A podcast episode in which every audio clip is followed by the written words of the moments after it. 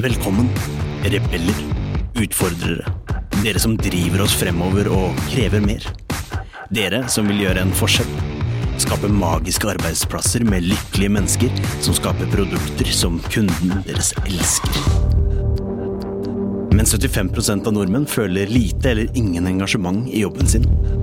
94% av ledere sier jo at smidighet og samarbeid er kritiske faktorer for at deres organisasjon skal lykkes. Men kun 6% av dem mener selv at de er smidige. Dette er podden som vil inspirere, gi deg konkrete tips og verktøy som vil hjelpe deg med å skape endringsdyktige organisasjoner med høyt engasjerte og motiverte ansatte som lager uslåelige produkter. Med Smidig-coachen, kurs- og foredragsholderen Ida Kjær. Ved sin side har hun kurs- og foredragsholderen, smidigtransformatøren og topplederen Tobias Falkberger.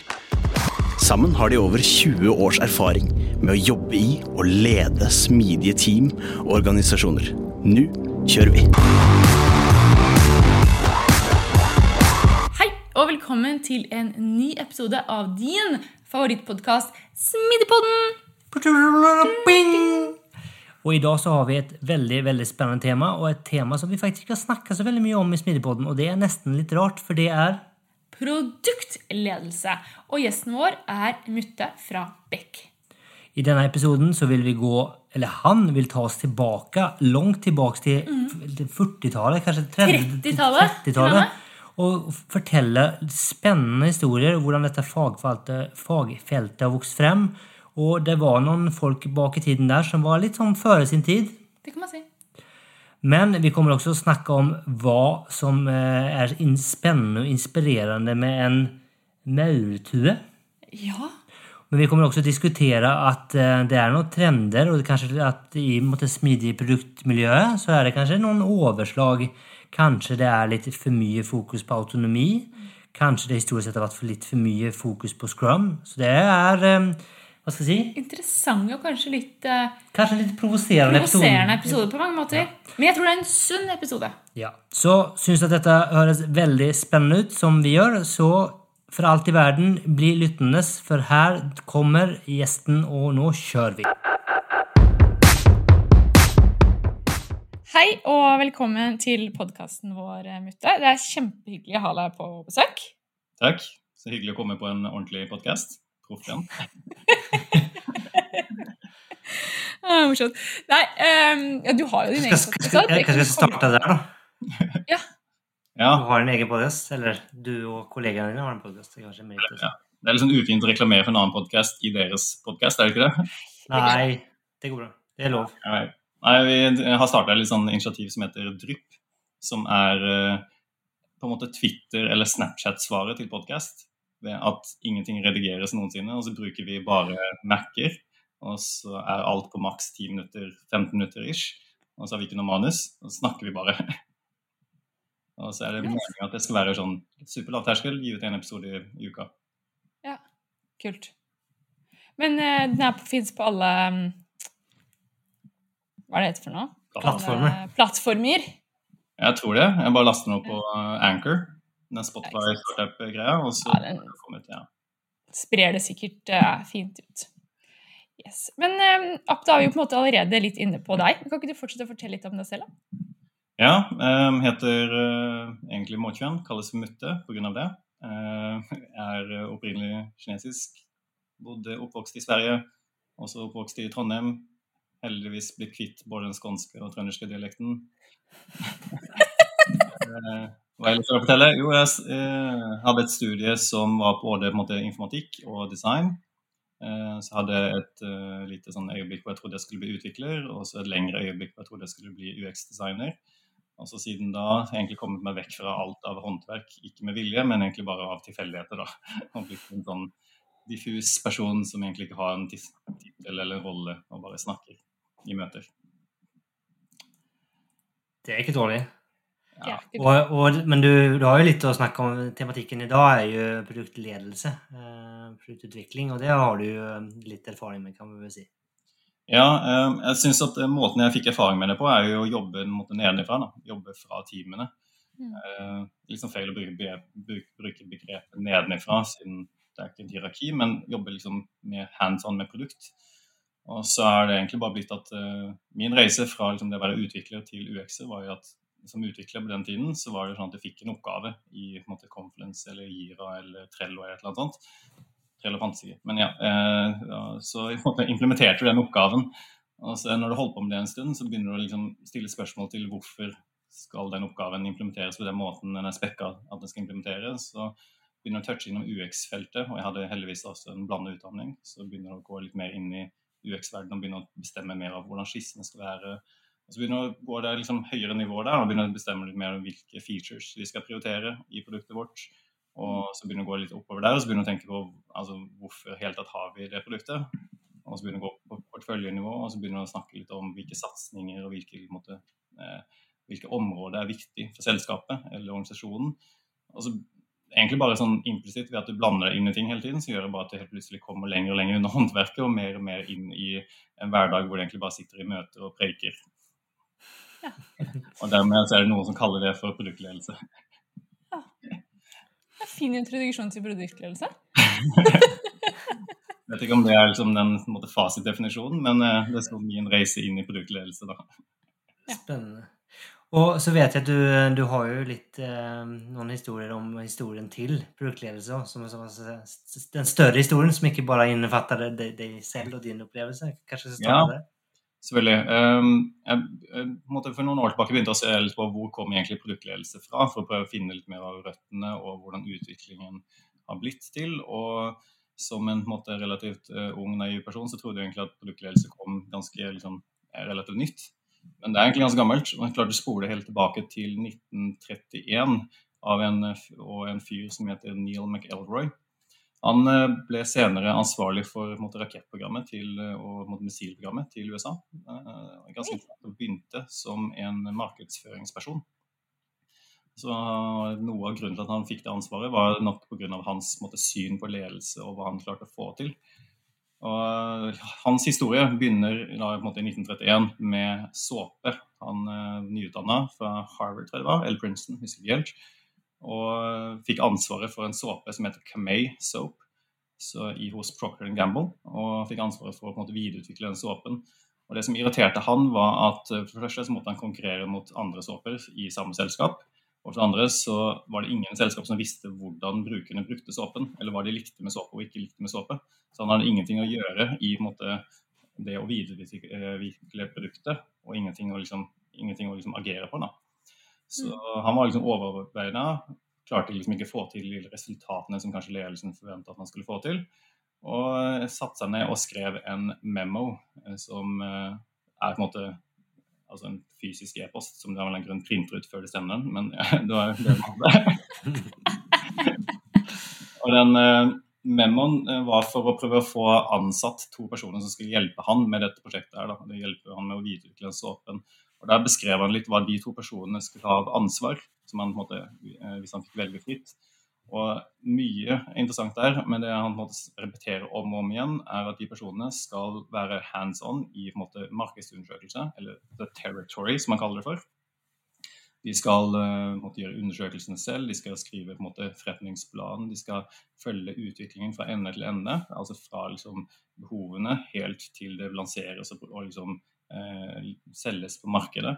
De skal uh, være Eh, rapportere på, måte, på vegne av på organisasjonen og ledelsen, så de skal være ansvarlig for suksessen i produktet. Og så nevner han om og om igjen at de skal take full responsibility fra ende til ende.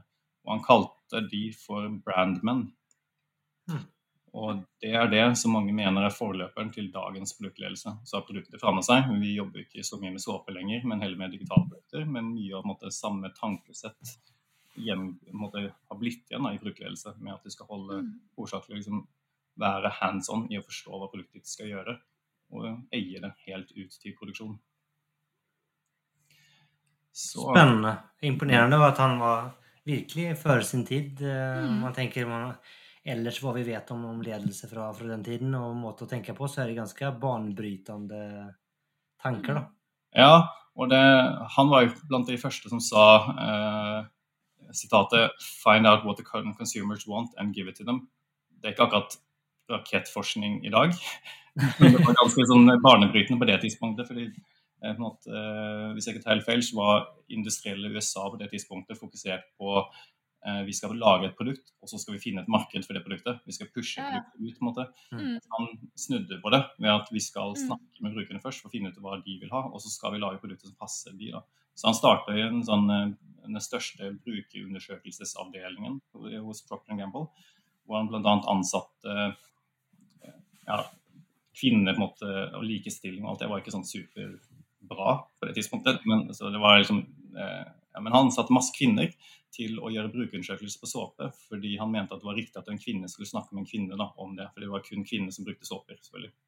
Selvfølgelig. Ja, og så, Han kriterier på dette som er veldig spennende når det gjelder brukerundersøkelser. Og Han mente at eh, de som skulle gjøre intervjuene, skulle reise hjem til folk og snakke med folk hjemme, ikke en lab-setting, fordi du skulle få den naturlige settingen, si, og folk skulle være på en måte, avslappa. og være, på en måte, Det skulle være en samtale, ikke en mal, da, ikke et intervju. Og så sa han også at de ikke skulle ha noe som helst måte, notatblokker, fordi da blir på en måte og påvirker intervjuet. Så de som intervjua, måtte liksom eh, huske det og så løpe tilbake til bilen sin for å skrive det ned og liksom, ta det med videre. Og sånn da.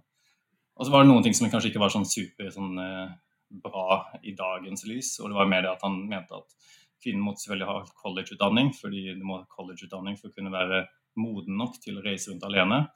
Og så mente han også at eh, kvinnene måtte være pene nok til at du kunne ha en samtale med dem, men ikke for pene til at de ble måte, distraherende. Noen kanskje kan se liksom La være i fortiden, da. ja, det kan du si. Noen ting kan vi la være, men eh, ja. Veldig interessant. eh, Det var, her har jeg faktisk aldri hørt om. Det var veldig interessant og at han var så tidlig der. Veldig spennende. ja. Mm. Eh, Vi kan fortsette litt med at Det som han på en måte bidrar med, var jo på en måte fokuset på brukerinnsikt. Og det på en måte å eie eh, produktutviklingen fra ende til ende.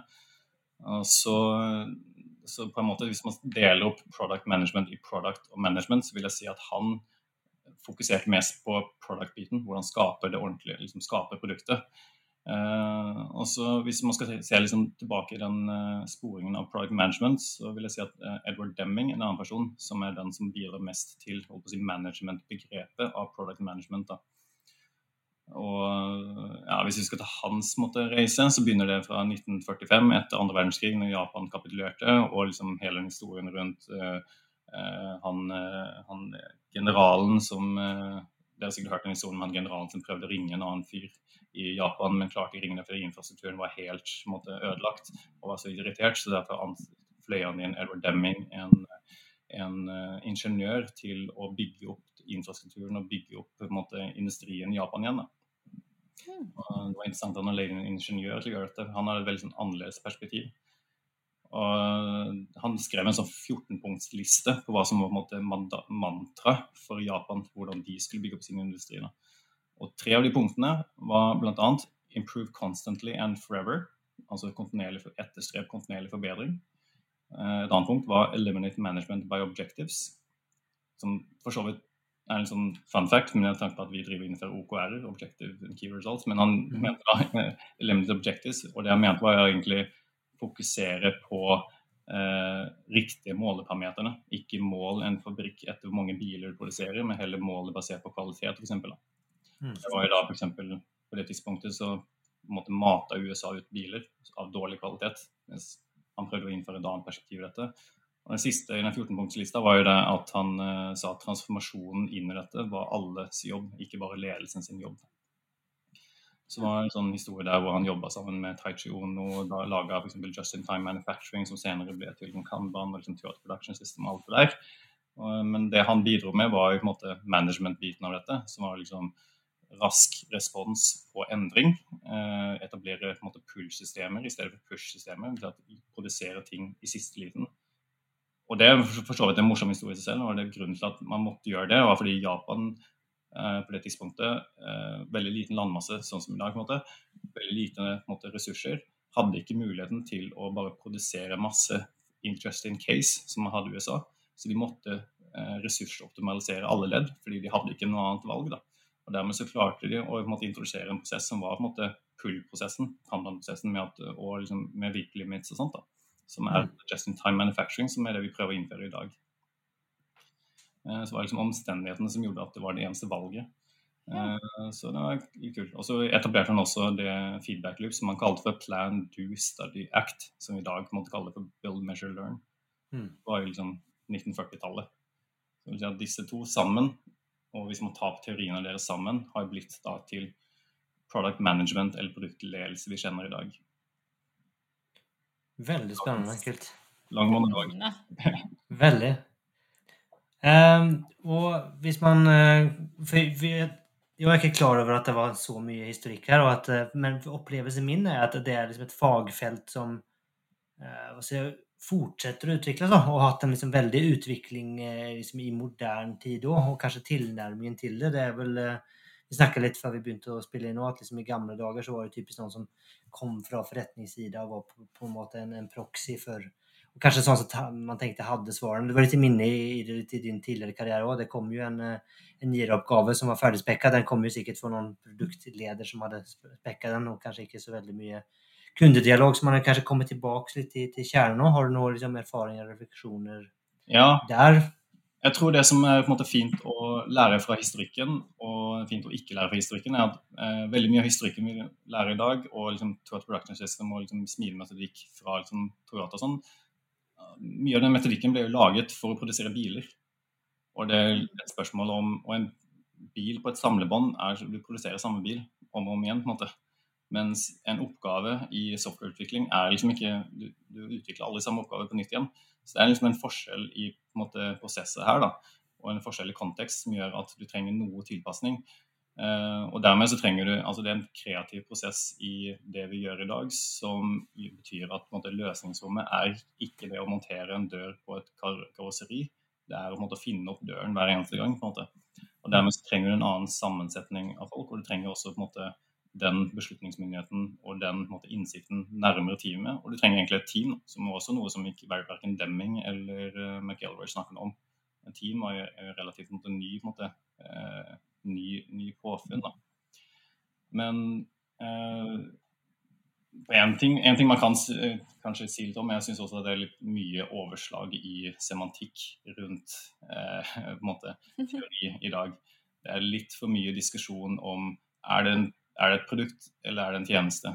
Driver du med produktutvikling eller driver du med kontinuerlige leveranser og liksom tjenesteutvikling? Er, eller driver du med service design? Det, er liksom nyanseforskjeller i dette, selvfølgelig. Og det er liksom selvfølgelig store, viktig å måte, definere måte, forskjellen og sånn, men jeg syns det er sånn, litt synd at all diskusjon, eller veldig mye diskusjon, går på forskjellen mellom service design og produktutvikling. på en måte. Det er mye viktigere å heller bare tenke på hvordan skal vi få laga best mulig produkt raskest mulig til høyest mulig kvalitet. Unnskyld at jeg forstyrrer deg midt i denne superspennende episoden, men jeg må bare fortelle deg noe. Forresten, det er meg, Arvid, fra introen. Er du en som ønsker å utfordre, drive oss fremover og kreve mer? Gjøre en forskjell og skape magiske arbeidsplasser? Men du bare vet ikke helt hvordan. Da har jeg noe som kan hjelpe deg. Tobias og Ida har laget et kurs. Kurset gir deg forståelsen og den smidige tilnærmingen du trenger for å tenke nytt om de organisatoriske byggeklossene, strategi, mennesker, prosess, struktur og teknologi. Lenke til kurset finner du i episodebeskrivelsen. Tenker at det har med modenhet å gjøre. Jeg tenker at altså, samme, jeg opplever at Smidig har vært gjennom litt samme reise nå. og Kanskje kommet litt lenger. Vi har heldigvis kommet litt ut av det. Men det var jo sånn historisk sett òg. Altså, det var jo mer diskusjon på om du gjorde ting um, på rett måte eller om det, enn om det var faktisk riktig for teamet eller du fikk noen effekt ut av det. Uh, og man gikk jo liksom eh, kanske til og med var på en ukes kurs for å lære seg å gjøre Scrum riktig, uten at man kanskje nødvendigvis forsto hvorfor man skulle gjøre det eller hva man ønsket å oppnå. da. Ikke sant? Det kan godt hende at det er rett og slett bare en sånn reise. Akkurat Når det gjelder på reise, og sånn, syns jeg også vi er akkurat nå kanskje i en sånn Jeg kommer sikkert til å bli skutt av noen for å si det, men vi er i en sånn overslag autonomitetsreise, syns jeg. At eh, Det var ikke så lenge siden vi begynte å snakke om autonome team. Og man skulle på en måte, delegere myndigheten og delegere beslutningsmakta ned til teamene. Og, eh, og som alle på en måte, endringsprosesser så opplever jeg nå at vi er i sånn at alt blir alle skal være aut- fullautonome på absolutt alt, og ingen skal forholde seg til noe som helst. og Det fører til at alle teamene bare er siloer. på en måte. Mm. Interessant. og det er liksom en sånn, ikke overslag i nødvendigvis metodikk, nødvendigvis, men overslag i prinsipp. da. Man har tatt noen prinsipper til seg og bare tenkt for mye på det. da. Ja. Men tror du det kan være en reaksjon på at man har hatt eh, veldig veldig lite av det, og så blir det kjempefokus på det, og da, det sånn at, da gjør du det bare til det ekstreme? Mm. Og så, når du på en måte har gjort det til det ekstreme, og så ser du alle nedsidene ved det også, som du kanskje ikke har reflektert over ikke sant, i starten, eh, da innser du kanskje at OK, eh, kanskje vi skal ta backtracket lite grann. Eh, så vi kanskje eh, eliminerer noen av de siloene, for eksempel, da, som du nevnte. Ja, definitivt. Jeg tror det. Og det samme kan vi kanskje si om den smidereisen. I begynnelsen så var det ok, det begynte før det, da, men for ikke så lenge siden var det veldig fokus på å gjøre scrum riktig. Og så var det veldig fokus på å ikke gjøre scrum i hele tatt. Altså, altså, eller ikke gjøre noe, som- heller bytte ut med kanban eller scrumban eller et eller annet sånt. Og så opplever jeg til en viss grad at nå er det veldig mye fokus på å ikke gjøre noe som helst, på en måte. Eller at folk finne ut Mm. av det selv. Og det er egentlig bare fordi at man er mer opptatt av metode og teori enn man er kanskje opptatt av hva det betyr, og hva du prøver å oppnå. da. Mm. Det er kanskje også liksom en sånn annen brannfakkel å slenge ut der, som jeg sikkert ikke har gjennomtenkt og sikkert blir skutt for å si noe, men jeg tror eh, eh, de folkene i en organisasjon som ikke er en del av leveranseapparatet, er kanskje ikke, har kanskje ikke like stor rolle enn de folkene som er en del av leveranseapparatet. For hvis det du har forrest i panna, er at du skal levere en produkt, et produkt eller en tjeneste ut, og alt annet er sekundært til det, altså f.eks. hvilke metoder du bruker, eller hvilket verktøy du bruker, eller hvilken teori du baserer deg på. Hvis alt er sekundært for hvilket produkt du skal få ut, eller hvilken effekt du skal skape for markedet, så tror jeg nok du klarer å distansere deg fra om du bruker Scrum eller Kanban, eller om du snakker om autonomitet på riktig nivå eller ikke. Da blir det bare en fokus på hva skal til, og da blir alt annet bare verktøy i din verktøykasse. da. Mm. Så det er liksom Jeg har ikke tenkt helt gjennom det, og jeg vedder på at folk kommer til å slite med på det, men det, jeg tror det ligger noe i det, hva du har forrest i panna. da. Jo, men jeg syns du, har- eh, du har noen gode poeng. og Jeg syns du er inne på noe veldig viktig her. da, og hvert fall Jeg tenker veldig mye på det når jeg er ute i team som smidig coach. Det at teamenes eh, primære oppgave er jo å levere noe. ikke sant? Det er jo ikke å jobbe med meg eh, med kontinuerlig forbedring eller, hva det er for noe. Det er jo ikke det som er deres jobb, det er jo min jobb. Mm. Og det å da respektere tiden til teamet, respektere prosessene til teamet, deres prioriteringer, da, så må jeg på en måte tilpasse meg og finne ut av hvordan kan jeg på en måte eh, eh, hjelpe dem og bistå dem på en måte som passer inn i deres hverdag, da, uten å sånn kuppe for mye tid. Ikke sant? Eh, jeg tror kanskje mange glemmer det, da. Jeg tror jeg, jeg, tror jeg ja, så du legger en generell, en generell problemstilling også, at det er liksom det er, Du vil gjerne liksom eh, grepe etter og prøve å fange de tingene som er vet, veldig håndfast, veldig konkret, og ting du kan liksom sjekke av. mm. Altså at du liksom kontinuerlig leverer et godt produkt som kundene elsker, det kan du ikke så mye sjekke av, men at du har implementert noe, eller liksom har gjort altså det er liksom, Jeg tror det er liksom en streven etter liksom på noe vis å ha hva skal jeg si, mestring, eller liksom den sjekkliste liksom Mm. output-jakten også, som, som kan være kanskje med å påvirke her òg. At du liksom eh, Den andre måten å tenke på er veldig mye usikker og veldig mer diffus, og kanskje er vanskeligere å hvert stå i over tid. da. Ja, jeg tror Det som kanskje er synd, er at hvis du tenker at det du skal sjekke av, er og at du har implementert en ny prosess, Mm. da tror jeg du liksom kanskje sjekker av feil ting. Men hvis du sjekker av at jeg har skapt den verdien for den brukergruppen, på en måte, da tror jeg liksom man har sjekka av på riktige ting. da. Og så vil jeg si at jeg er også en slags sånn halvveis smidig coach-type rolle. Bruker aldri på en måte, det begrepet, eh, men det er på en måte egentlig det jeg gjør på en måte, i prosjektet. Mm. Og jeg vil si at min viktigste oppgave er å gjøre meg selv på en måte, arbeidsløs. Mm. Og Helt Det er enig. det som er poenget. er at Du trenger egentlig ikke alle metodikkene. Du trenger trenger egentlig bare å fokusere på produktet. Mm. Det handler egentlig bare om å rydde unna all støy. Da. Enig. Skal vi snakke om eh, den andre delen av produktutvikling? Gjerne det. Eh, ja, den andre delen tenker jeg er fordi når vi snakka litt om eh, Neil McElroy om produkt og Deming om management, og så tenker jeg at den siste delen er team, på en måte biten av det. da, Hvordan bygge team i dag eh, som eier produktutviklingsprosessen fra ende til ende. Og når vi erkjenner at produktutviklingsprosess ikke er det å bygge 10 000 biler, men heller det å mekke på én bil til den er perfekt, Mm. så er det liksom andre grep som skal til. Og da tror jeg liksom en annen teori, eh, en annen teoretisk grunnlag som skal til. da. Og eh, jeg tror det er liksom kanskje fire elementer jeg vil ta frem der. En, en, ett er eh, viktigheten av måte, mangfoldige eller tverrfaglige team. Og der så tenker jeg det er viktig å eh, tenke på en teori, da, eller noe fra en fyr som heter eh, Dumt å bruke alle disse navnene, for jeg husker aldri navnene på folk. og det, det nummer ut av dette, Men jo, han heter eh, James Cars, heter han. Han skrev en bok hvor han uh, mente at det er minst to typer spill. Eller to, uh, there are at least two type, kinds of games, kalte han for det. Finite games og infinite games. Og Det er en liksom interessant tankesett her, er at i finite games, som er på en måte uh, avgrensa spill, som veldig mange tror at vi lever i, på en måte, så er, kan man si at sjakk er et sånt type spill. Det er veldig strategisk.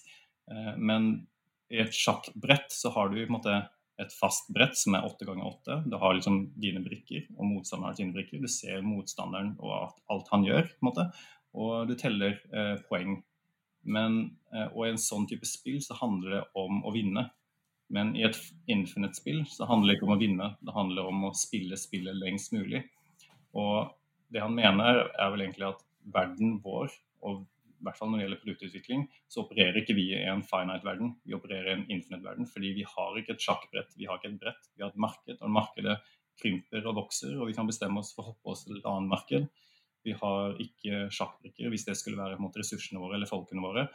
Vi har det fluktig, vi kan bestemme oss selv for å måtte rekruttere nye folk. Vi kan bryte, Det finnes ingen regler på hvem vi kan ha og ikke ha. Og vi har ingen motstander, egentlig. Det kan godt hende vi har konkurrenter og markeder og den type ting. Men uh, ingen av de er egentlig liksom en sånn motstand vi spiller mot. Og vi har i hvert fall ikke noen perfekt informasjon om hva de gjør. Og det viktigste av alt er at vi har egentlig ingen, ikke noe poengsystem. Det kan godt hende vi kan telle poeng i form av markedsandel og i form av liksom bunnlinje, topplinje og sånt, men alt det er egentlig bare påfunn innad i en organisasjon. måte.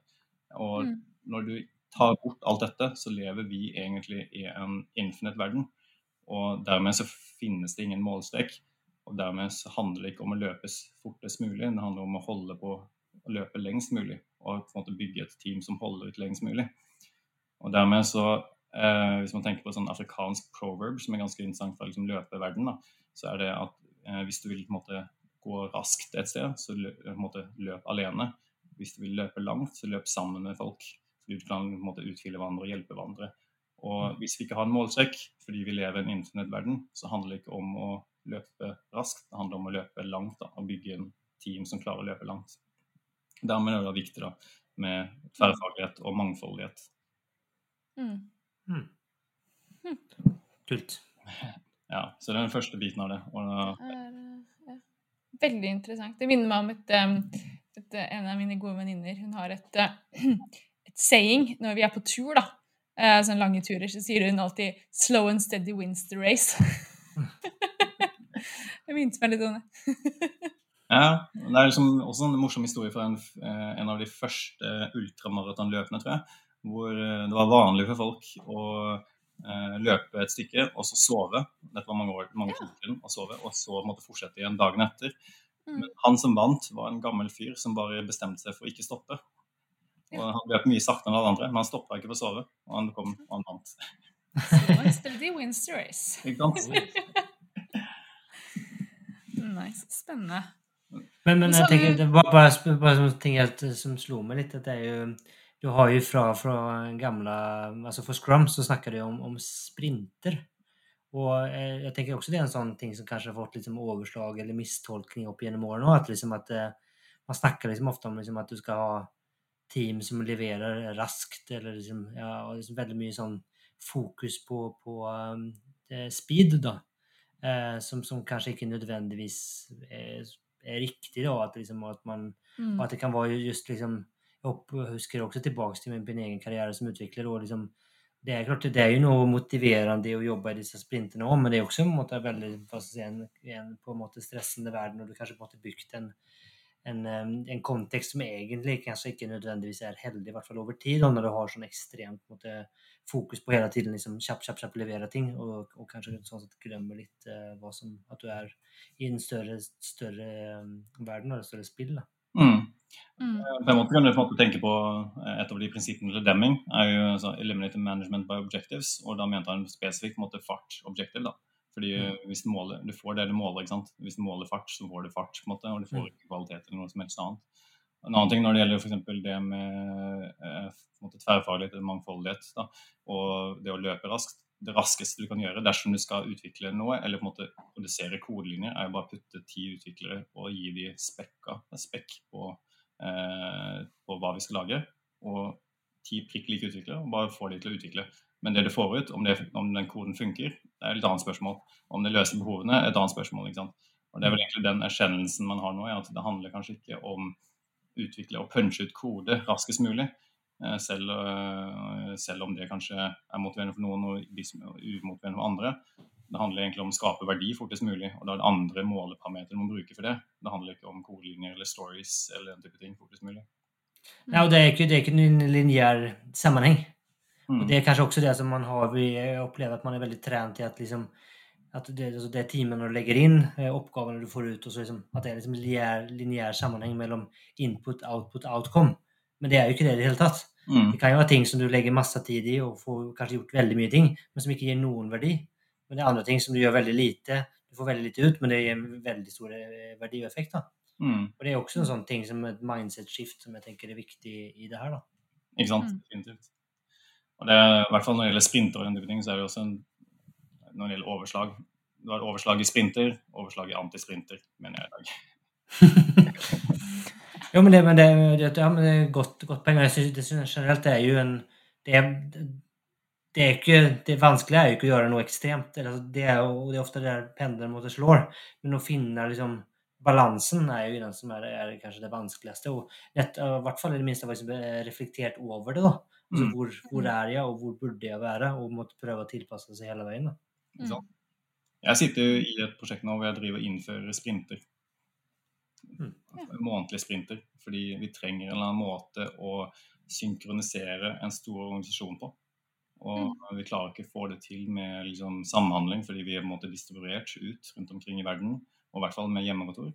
Og da er det kanskje lettest faktisk å bare ha regelmessige møter til et tidspunkt, og så blir det implisitt sprinter. Mm. Men hvis du kaller det for sprinter, så får jo alle en måte, panikk. Så det er egentlig bare et regelmessig møte. Men det er bare en refleksjon her òg. Er det, um, det, det med liksom, som du sier, at, at, liksom, at de, kan ikke løse det med samhandling. Uh, jeg vet ikke om det er et skandinavisk fenomen, eller om det er, kanskje kommer litt fra smidig, men jeg ofte, opplever ofte at vi gjerne vil og ønsker å løse utfordringer med samhandling. Mm. Men det er ikke nødvendigvis eh, løsningen, eller i hvert fall ikke riktig løsning. Har du liksom, refleksjoner rundt det? Det er eh, Ja, det er et godt spørsmål. fordi mm, i hvert fall Når jeg tenker på det på måte, oppdraget jeg sitter på nå, grunnen til at vi ikke får det til med samhandling, er nok veldig sammensatt. Da. Det er liksom kulturforskjeller fra forskjellige, måte, uh, forskjellige, deler av verden. Og så er det også sånn tidssoneforskjeller. Og så er det nok en sånn eh, kulturforskjell i organisasjonen på, for den organisasjonen vi er i, på en måte, da, uten å gå tall på det, som gjør at eh, folk har blitt Som du nevnte i stad, at folk har blitt målt på hvor mye kode du puncher ut. på en måte. Og dermed så er mm. mange veldig innstilt på at det er kun det jeg skal gjøre. Og alt som handler om f.eks. det å stoppe opp og eh, stille spørsmål til er dette den delen av produktet vi lager, riktig eller ikke, det faller liksom det, det, går liksom ikke helt inn på alle. da. Og Dermed så mm. funker ikke den måte, alltid den normale samhandlingen. I hvert fall ikke når du kan sitte sammen med folk og snakke om det i møtene. Og når organisasjonen er så stor på, på over 100 personer, så klarer ikke du være med i alle forumer heller. Så dermed så enkleste måten du fant ut å gjøre, måte, løse dette på på kort sikt, uten å måtte endre mindsettet til hver enkelt person måte, rundt dette, og rett og slett bare innføre månedlige møter hvor vi snakker om løsning og hva vi skal lage neste måned. Og dermed så er det implisitt en sprint. Men det er ikke den perfekte løsningen, definitivt ikke. Men det var det vi klarte å få til. Ja, men jeg synes det likevel er litt interessant, for det kan opp, og liksom igjen liksom tilbake til overslag, så kan jeg føle at, liksom at mange ganger så kanskje liksom eh, kan liksom den samhandlingen og hva skal jeg si, involveringen og eh, hva skal jeg si, i demokrati at det, altså, det blir hva skal, Vi tenderer til at det blir veldig veldig demokratisk, og, og det er kanskje ikke nødvendigvis eh, For det er liksom på siden kanskje ha autonomi, der du liksom har det veldig oppdelt. Mm. Men da får jo det en del utfordringer. Så det er, liksom, det er noe der at det liksom gjerne vi, man generelt i organisasjoner kanskje sliter med å finne riktig. Da. Det gjerne blir liksom, kanskje blir overslag, da, at det kanskje ikke nødvendigvis er Samhandling er kanskje ikke nødvendigvis løsningen på alle problemer. Da. Mm. Men her så er det jo egentlig løsning på øh, Del av løsningen på problemet ditt høres jo også ut som om Det er ikke bare det å på en måte ha sprinter, men det er også det å ha tydelig mål, retning for teamet. Mm. Altså at de vet hva de skal gjøre. Fint. Det var akkurat det vi også så, da, med at eh, Nå snakker vi egentlig om eh, et veldig konkret eh, oppdrag. At det, det var fint å ha dere med på det. Men eh, det er akkurat det vi så, da. Og at I begynnelsen ja, så var det det at man delegerte for mye myndighet til team som kanskje ikke helt var eh, rigga for den, da, eller ikke helt vant til den. da i en sånn eh, smidig transformasjon. og Dermed så ble folk bare satt sittende og liksom Hva skal jeg gjøre for å komme videre? Og så valgte de et eller annet, og så valgte noe annet, et annet team noe annet. Og så siden de var to siloer, fordi de alle de skulle på en måte bestemme for seg selv, og de var avhengige av hverandre, så begynte de egentlig bare å kjefte på hverandre. Eh, Fordi, og på en måte prøve å forhandle med andre. Hvis du gjør den oppgaven der som vi trenger, så kan vi gjøre den oppgaven for dere som dere trenger. Mm. Det blir egentlig bare en sånn eh, dynamikk som ikke funker. Og så er ikke dette riktig løsning. Riktig løsning er jo å endre kulturen. Men enkleste måten å kunne få komme oss videre, var rett og slett å innføre prosess. Og det er ikke en, Ja. det er Jeg har vært i akkurat samme situasjon selv, og det er kjempevanskelig. mm, Det er vanskelig kode å knekke. Ja. Mm. It depends på alt. Men autonomi eh, Ja. Skal vi snakke mer om det? Kjør på. Det gjør vi. Uh, en annen, uh, ja, autonomi, Alle har sikkert sett den Spotify-modellen om align autonomy ikke sant? og Mm. øverst til høyre. og sånn. Det som er interessant, og som jeg liker å måte, se liksom, nærmere på, er uh, den sammenligningen med maur. Fordi Ja. nå sier jeg helt sikkert ting som får noen til å tro at mitt menneskesyn er ganske forvrengt. Jeg mener ikke at folk er maur. Så hvis man klarer liksom å se bort fra den delen av analogien, og jeg tenker på liksom maur som noe annet, da, så, og interessant, så er det at en maur er ikke eh, smart måte, på noen som helst måte. Det er ganske enkelt på en måte, dyr. Men det som er interessant med maur, er at de eh, Eller en maurtue er smart og tilpasningsdyktig. En maur er ikke det. Og det som er interessant som gjør på en, måte, en maurtue som er summen av mange maur smart, er sånne enkle regler som mauren måtte forholde seg til.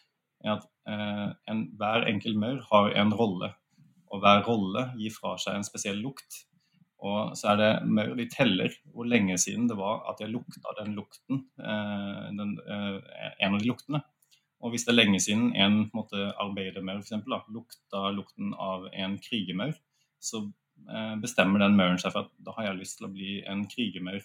Og dermed så har på en måte hive-mindet av en, eh, en maurtue plutselig blir tilpasningsdyktig. fordi når krigermaurene dør av måte, et eller annet vepseangrep, så plutselig så begynner måte, arbeidermaurer som vanligvis måtte stelle med eggene, bli til krigere. Og så når eh, det måte, plutselig blir for mangel av det, så begynner krigermaurer å gå tilbake igjen. og sånt da.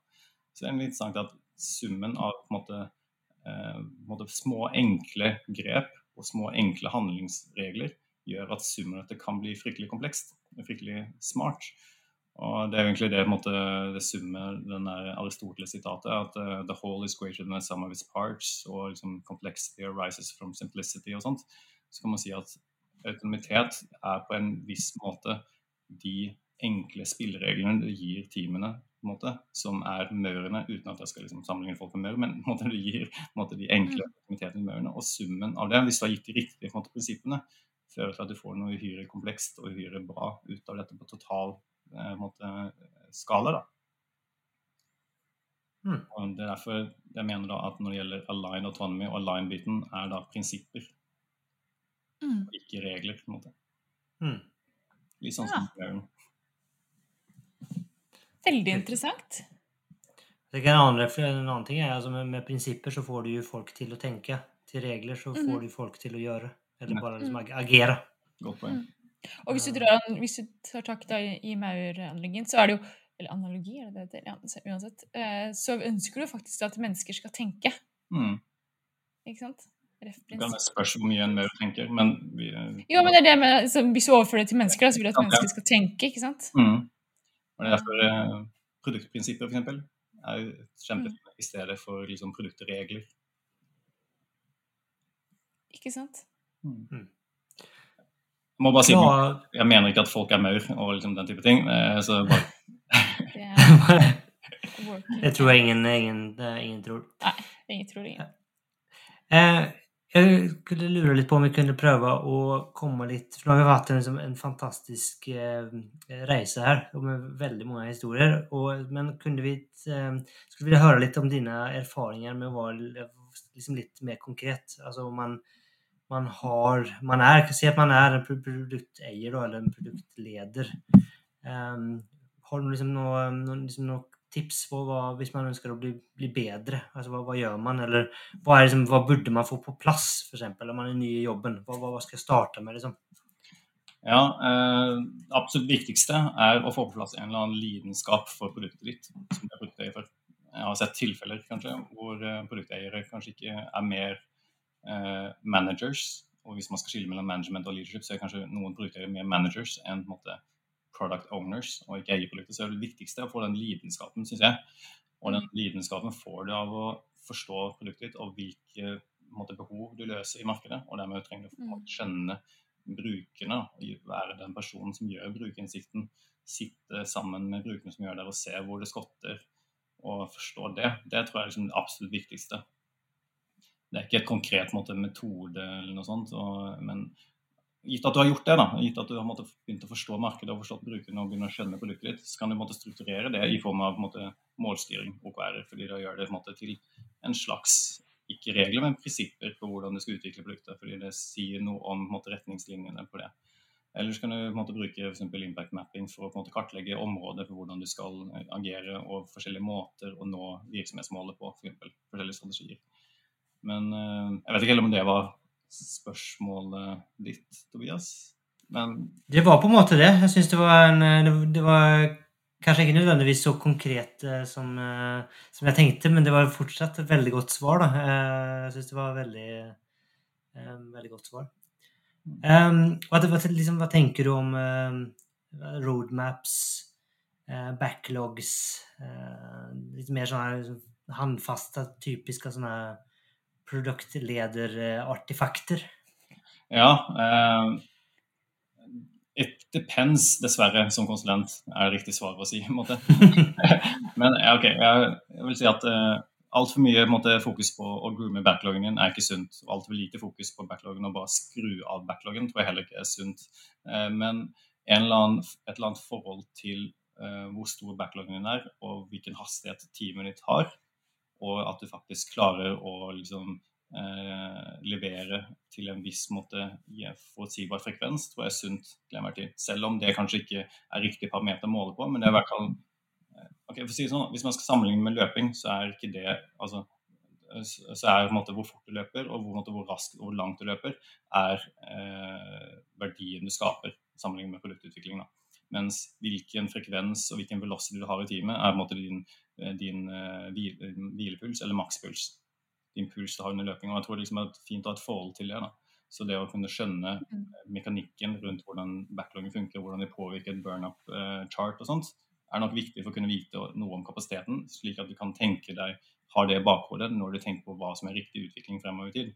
Hvis du er kun helt distansert fra hvordan et team funker, og hvordan et team måtte lanserer og utvikler, og kun fokuserer på brukerne, så ender du da opp med noe som er urealistisk å implementere, kanskje. Og da, så du trenger liksom å ha to tanker i hodet samtidig. da. Mm. Mm. Ellers når det gjelder backlog og den type ting, jeg vil også si at eh, eh, som produkteier, se på story mapping. User story mapping.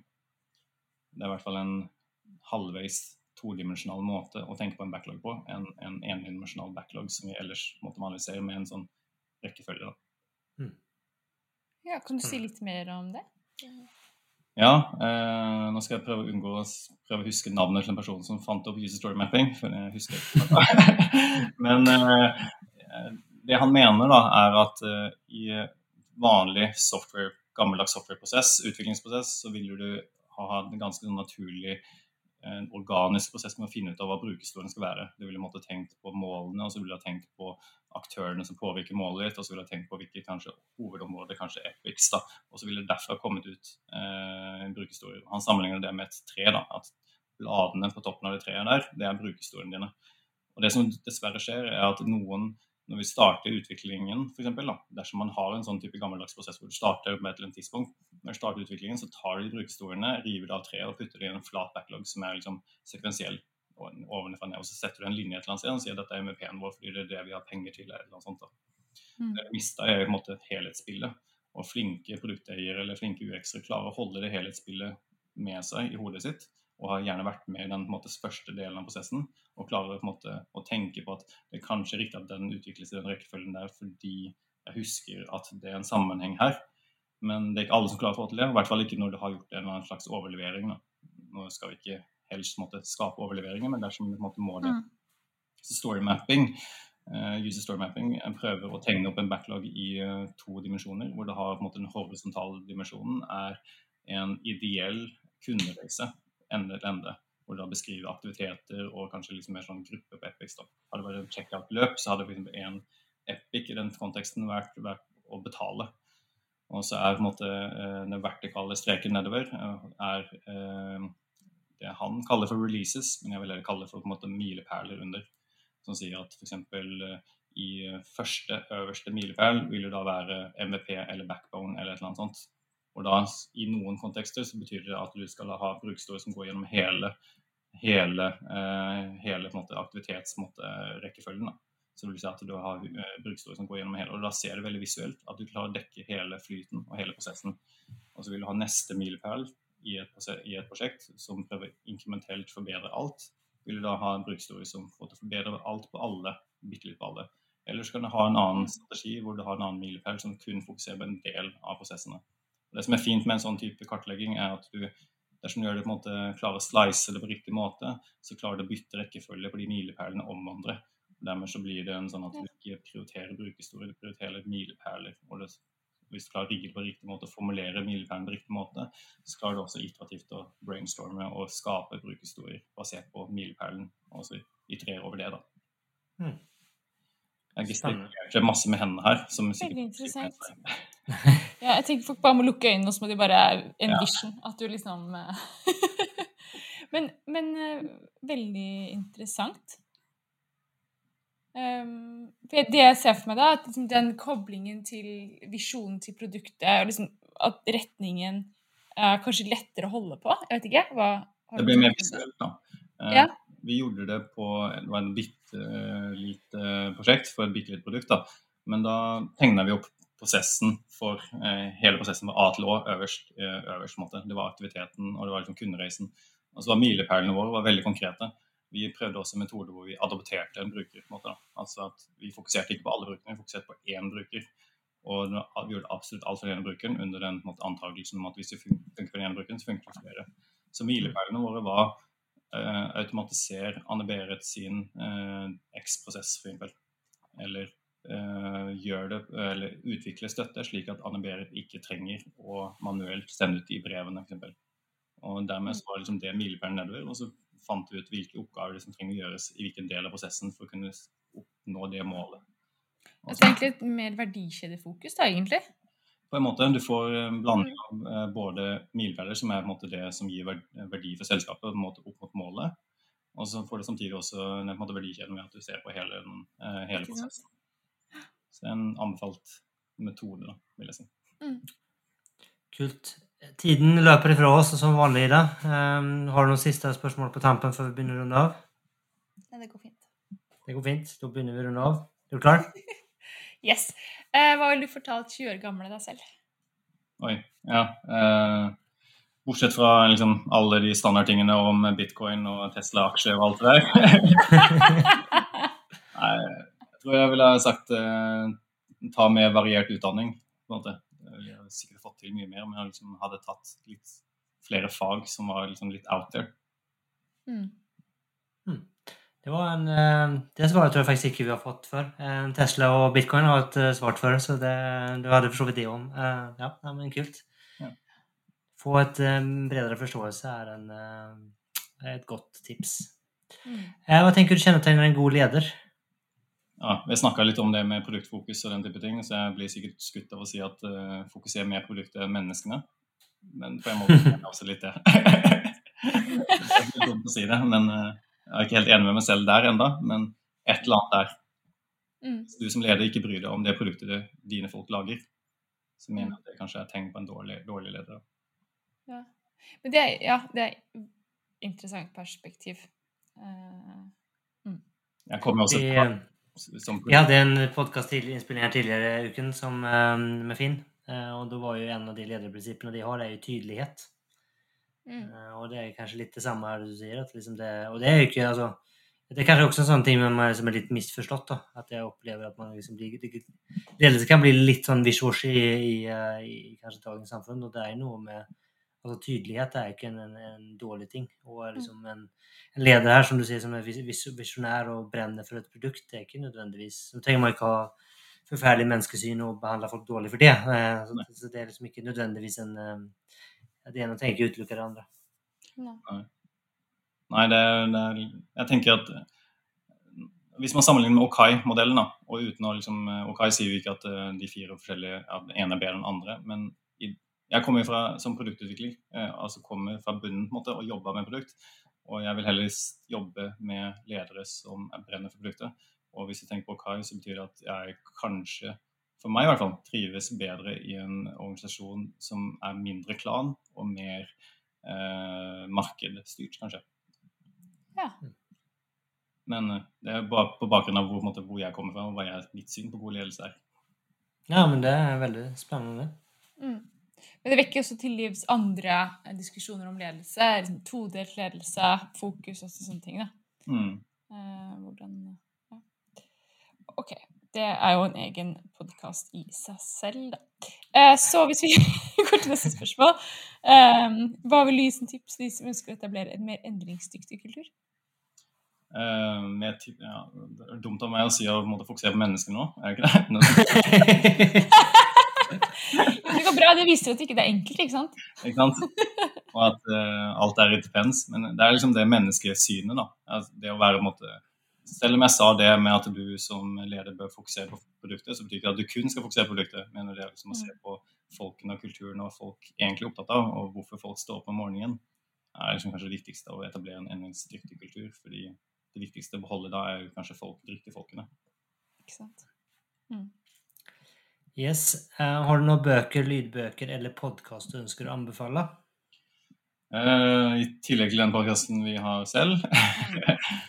eh, jo, en podkast som heter 13 Minutes to the Moon fra BBC, tror jeg det er. Med Hans Zimmer som lager musikken.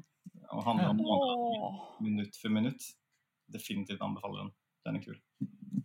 Det høres ut som noe for deg, Zimmer. Ja, altså Hans Zimmer han er en av mine favoritt sånn. Den er kul. Veldig, veldig flink. Um, yes, Siste spørsmål. Hvordan kommer man i kontakt med deg? Eller om man ønsker å følge deg? eller noe sånt nå? Um, ja, eller jeg er ikke så aktiv på, på Twitter, men uh, kan uh, komme i kontakt med meg på mail. God gammeldags mail. Uh, chen, c-h-e-n, at beck.no. Eller finne meg på LinkedIn hvis du klarer å stave navnet mitt. Vi klarer i hvert fall å å linke, da. Ja, så bra. Så da kan man klikke på linken, så, så har, vi, har vi løst det. Vet du hva, Link- Jeg gikk inn på profilen min på LinkedIn her om dagen, og der så spurte LinkedIn meg om jeg kunne skrive en forklaring på hvordan man uttaler navnet mitt.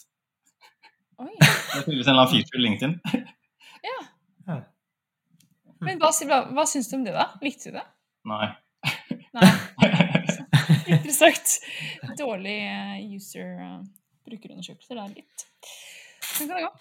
Sånn kan det gå. Så med det så tenker jeg vi sier veldig stort takk for at du hadde lyst til å Yes. spendere en varm fredagsettermiddag sammen med oss. Det var, Ja, det var Det var veldig spennende. Utrolig mye spennende, morsomme historier. Takk. Kjempegøy. Veldig gøy å være med. Så da er det bare å si ha det bra, da. Yes, ha det bra! Ja. Tusen takk for at du lyttet på denne episoden av Smidpodden. Dersom du likte det du hørte, så abonner på Smidigpodden, da vel. Da får du masse mer av denne type innhold i fremtiden. Dersom du har lyst til å støtte Smidigpodden fremover, så gå gjerne inn på linken under og eh, ta kurset vårt. Du kan også så klart bruke noen av linkene under til bøkene som gjestene våre anbefaler. Det er affiliate links, og det betyr at Smidepodden får ei lita krone når du kjøper en bok, men du betaler så klart ikke en krone mer når du handler. Så med det så ønsker jeg deg en fortsatt fantastisk dag eller kveld, hvor enn det er du befinner deg i denne store, vide, vakre verden. Ha det bra!